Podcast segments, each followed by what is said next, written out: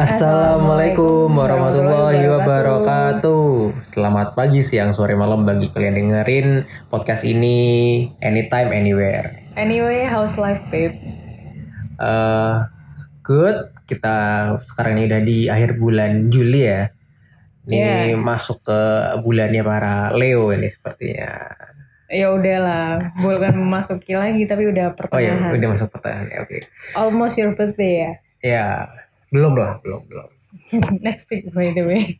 Jadi di akhir bulan Juli ini kita ada berita heboh ya kan ya terkait Iya. salah satu financial advisor inisial J ya yang cukup menghiasi sosial media kita.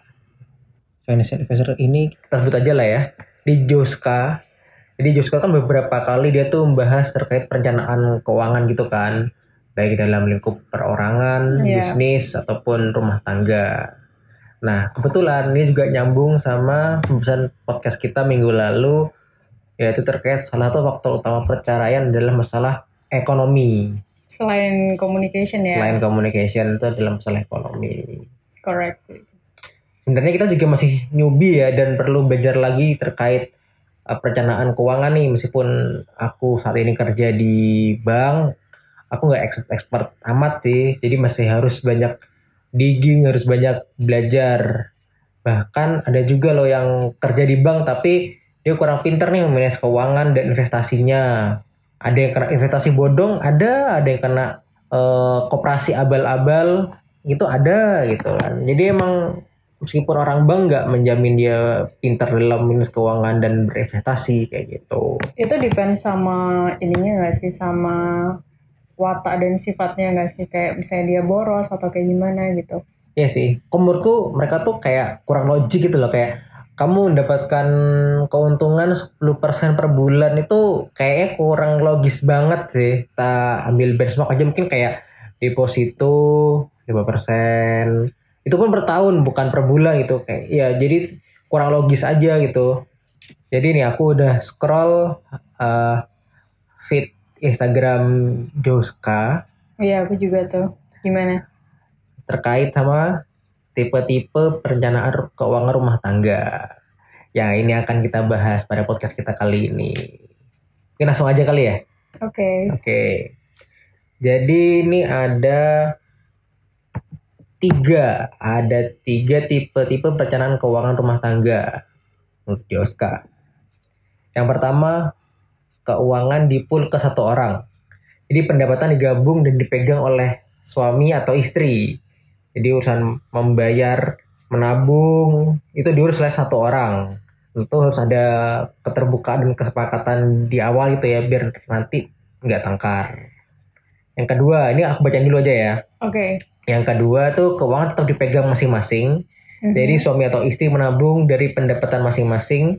Urusan bayar ini tuh tinggal dibagi tugasnya. Yang bayar belanja bulanan, yang bayar utilities, listrik, air, internet, yang bayar GoFood gitu kan, pesen GoFood ataupun yang berinvestasi itu siapa itu ada persnya masing-masing gitu. Mhm. Jadi intinya ada suami ada peran, si istri ada peran. Yang ketiga ini campuran. Di pendapatannya disimpan di rekening masing-masing, tapi ada dedicated account alias rekening tabungan bersama untuk keperluan operasional bersama. Teknisnya tiap bulan masing-masing suami atau istri nih transfer uang ke dedicated account tersebut untuk operasional bersama. Nah, coba nih kita coba bahas yang tipe pertama yaitu keuangan dipul ke satu orang. Mhm. What do you think, Bib? Em, balik lagi sih ya, eh, tiap pasangan kan beda-beda dan kayak yang Hmm. kamu bilang harus ada diskusi di awal. Betul. Kalau seperti itu kan biasanya tuh eh, mostly dipegang istri ya.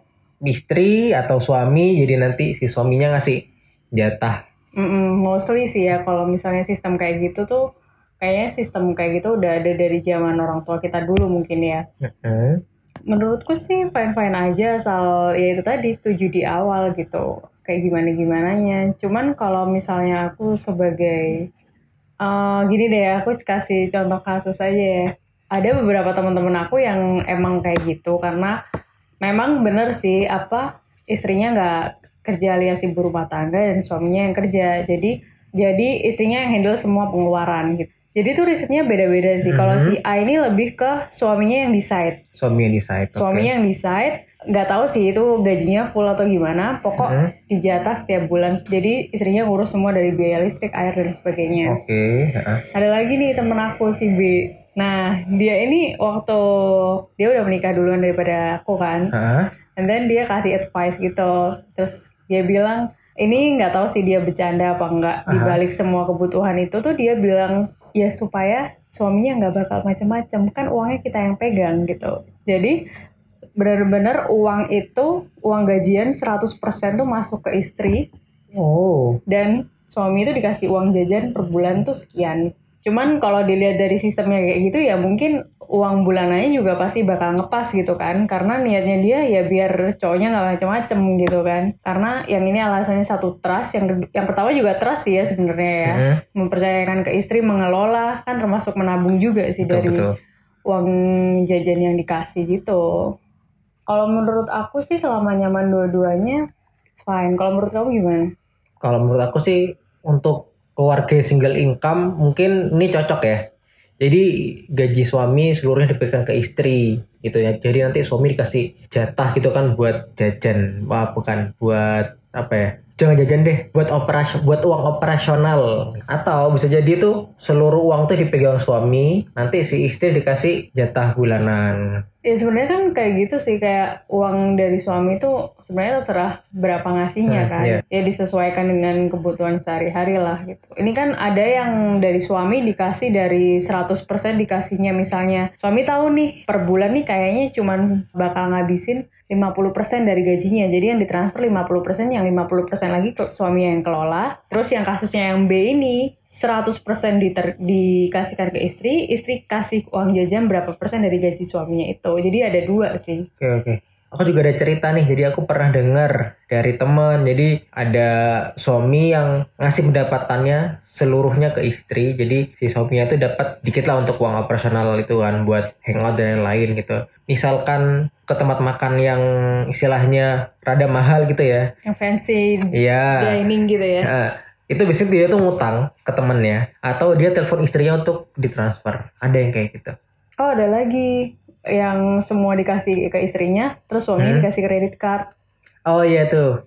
Suaminya dikasih kredit card, tapi mungkin dengan limit yang rendah kali ya untuk keperluan uang operasional kayak makan kayak gitu ya kali ya benar-benar. Ngomongin soal kredit card nih, kredit card tuh hmm, menurutku cukup membantu ya untuk orang-orang seperti aku nih yang kurang aware dan trace terkait penggunaan uang. Kan ada tuh orang misalnya mencatat tiap hari dia tuh expand-nya itu berapa, keluarnya dia sehari-hari pakai apps gitu.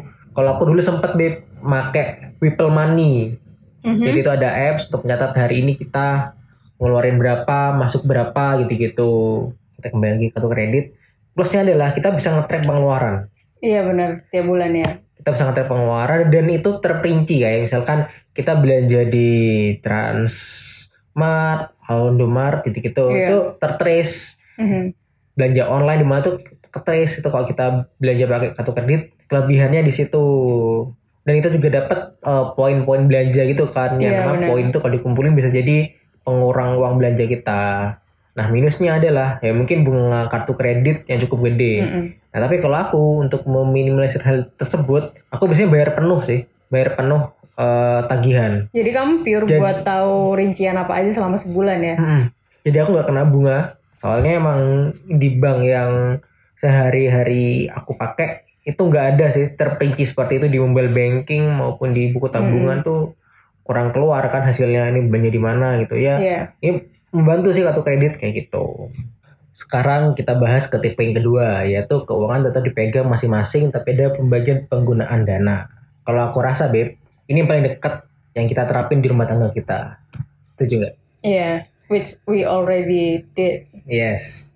Dia punya pemasukan, dia kan punya pemasukan, jadi kita bagi porsi masing-masing. Jadi kita omongin dulu nih, apa kesepakatan kita recently terkait keuangan.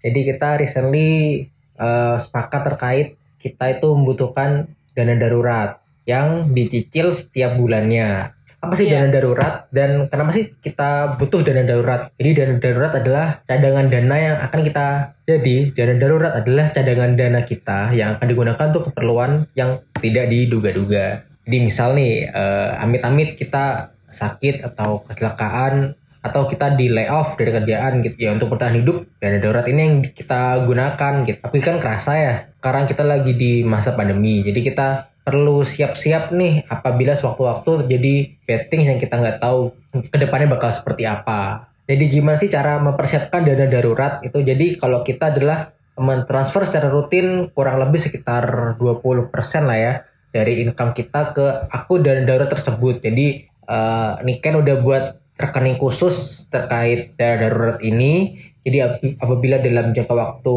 tertentu dana darurat ini udah terkumpul sekian rupiah, bakal kita deposito ini sebulanan aja di roll over terus. Kenapa sih kita depositoin? Karena kan nilai uang tuh turun gitu kan karena inflasi. Jadi sebagai langkah hedging atau melindungi nilai uang kita ya adalah dengan deposito gitu kan. Meskipun nggak terlalu besar at least dia hedging nilai rupiah kita. Dan itu masih cukup uh, liquid karena depositonya itu sebulanan gitu. Ya kan namanya aja dana darurat gitu kan. Jadi sebisa mungkin dana tersebut liquid dan dapat dicairkan sewaktu-waktu. Uh, Niken itu juga sudah membuka uh, akun di satu bank yang mana depositonya itu mudah dicairkan dan tanpa ada denda apabila dicairkan waktu-waktu kamu tahu kan Bib, roll roll over deposito maksudnya apa? Jujur enggak. Oke, jadi apa ya? Roll over deposito tuh artinya perpanjangan deposito gitu loh. Jadi roll over tuh ada dua nih. Roll overnya eh, hanya roll over pokok deposito. Misalkan kita deposito 20 juta ya, 20 jutanya tuh yang di roll over atau roll overnya tuh pokok plus bunga. itu Itu, ada akun yang kita bikin itu. di akun yang kita bikin itu itu ada dua. Yang pengen tahu kita pakai bank apa bisa DM di Instagram Niken atau di Instagramku. Nanti kita jawab. Eh, tadi kan sudah dijelasin nih 20% dari income kita masuknya ke dana darurat. Sisanya gimana? Kalau dari aku sendiri sih selain ditabung buat dana darurat 20 persennya, sisanya ya buat tabungan sendiri sih ya sama keperluan pribadi, skincare.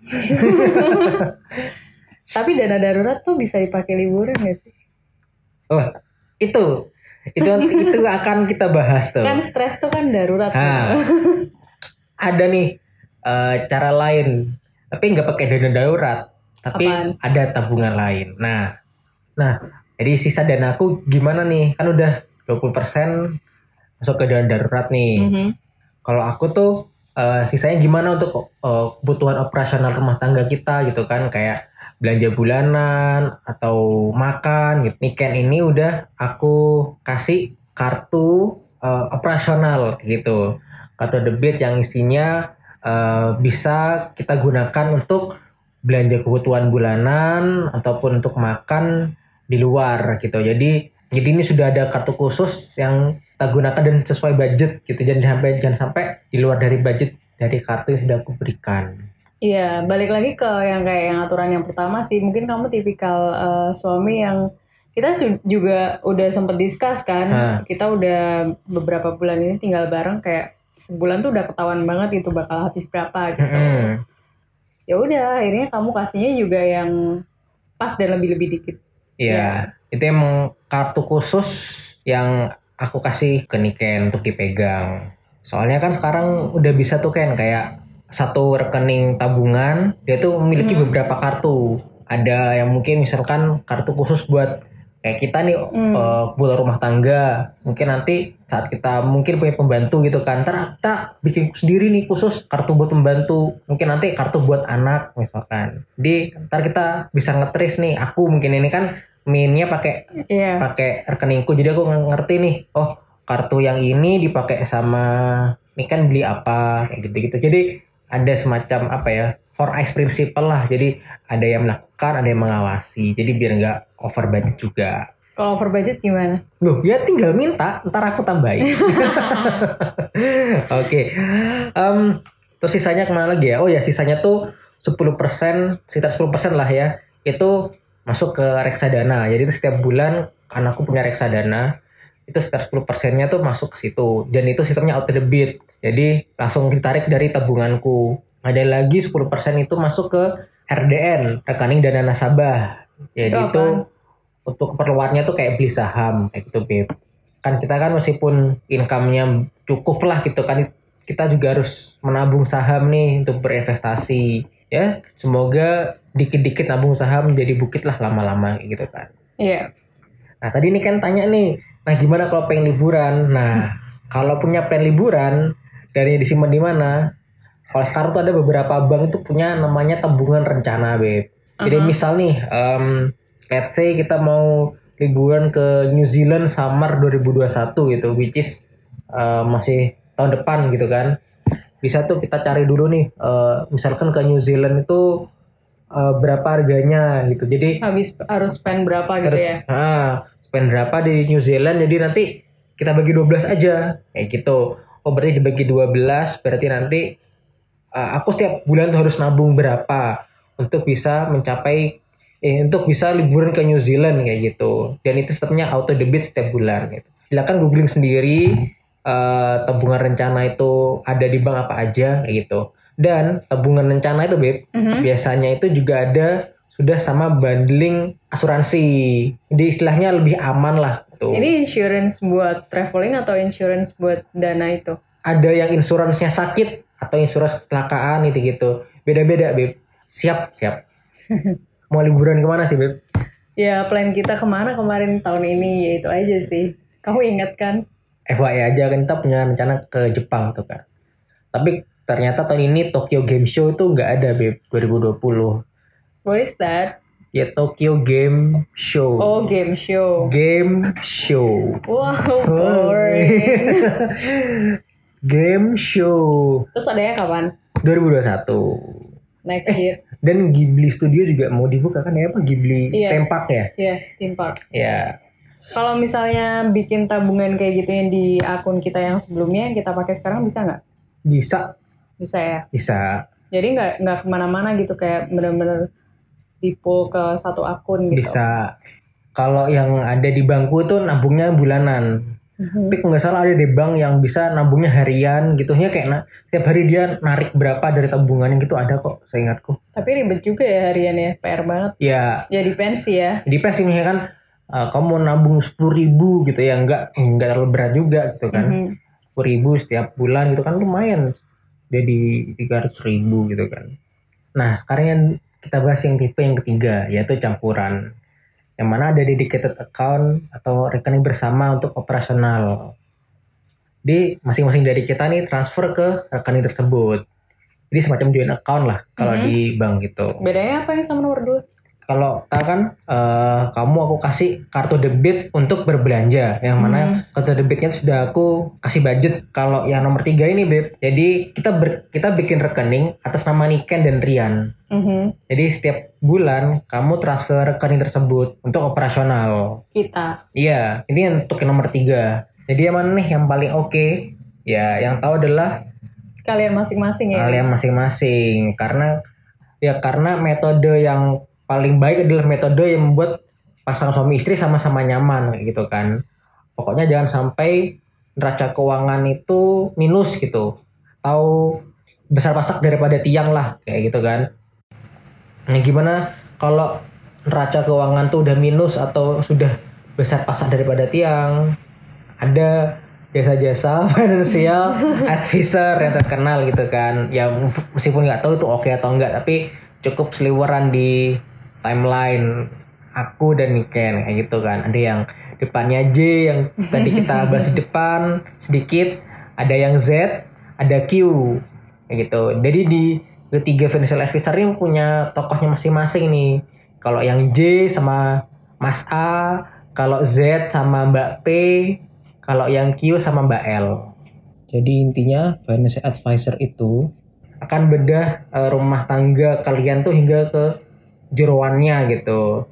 Dan kalau yang aku baca itu kunci keberhasilan dari menggunakan jasa financial advisor adalah satu yaitu harus jujur terkait punya harta apa aja, utang apa aja, tabungan berapa, pendapatan berapa, bonus berapa dan lain-lain harus jujur. Goals dari penggunaan financial advisor kalau menurutku minimal mini paling minimal itu adalah keuangan rumah tangga yang sehat itu ada tujuannya. Hmm. Nah, terkait bagaimana cara mengembangkan uang itu beda lagi nih. Uh, itu adalah next step dari uh, keuangan rumah tangga itu sehat. Kalau menurut kamu dari satu dua tiga yang tadi kamu lebih pilih yang mana dan kenapa? Menurutku nomor dua sih Beb. Karena emang kita sudah sepakat kan Untuk uh, menggunakan yang nomor dua. Dan karena emang kita double income sih Jadi kamu ada pendapatan Aku ada pendapatan. Iya sama juga sih. As long as uh, aku bisa bantu ya Aku pasti bakal bantuin. Yang penting adalah Uang belanja bulanan aman Beb ya. Aman Beb aman? Iya aman. Alhamdulillah Terus menurutmu keuangan yang bakal kayak gimana sih yang mengakibatkan divorce? Keuangan yang gak ada uangnya.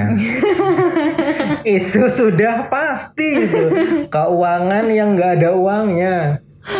Bener sih. Iya, iya. Udah itu. Selalu Udah ada itu di saku celana bermacam kartu kredit terdapat di dalamnya. Tak perlu bawa uang banyak bila mau belanja. Bila ingin sesuatu cukup gesek saja. Lo borju, jangan lagu. Laga lo tuh, so tahu. Ini itu, lihat dulu.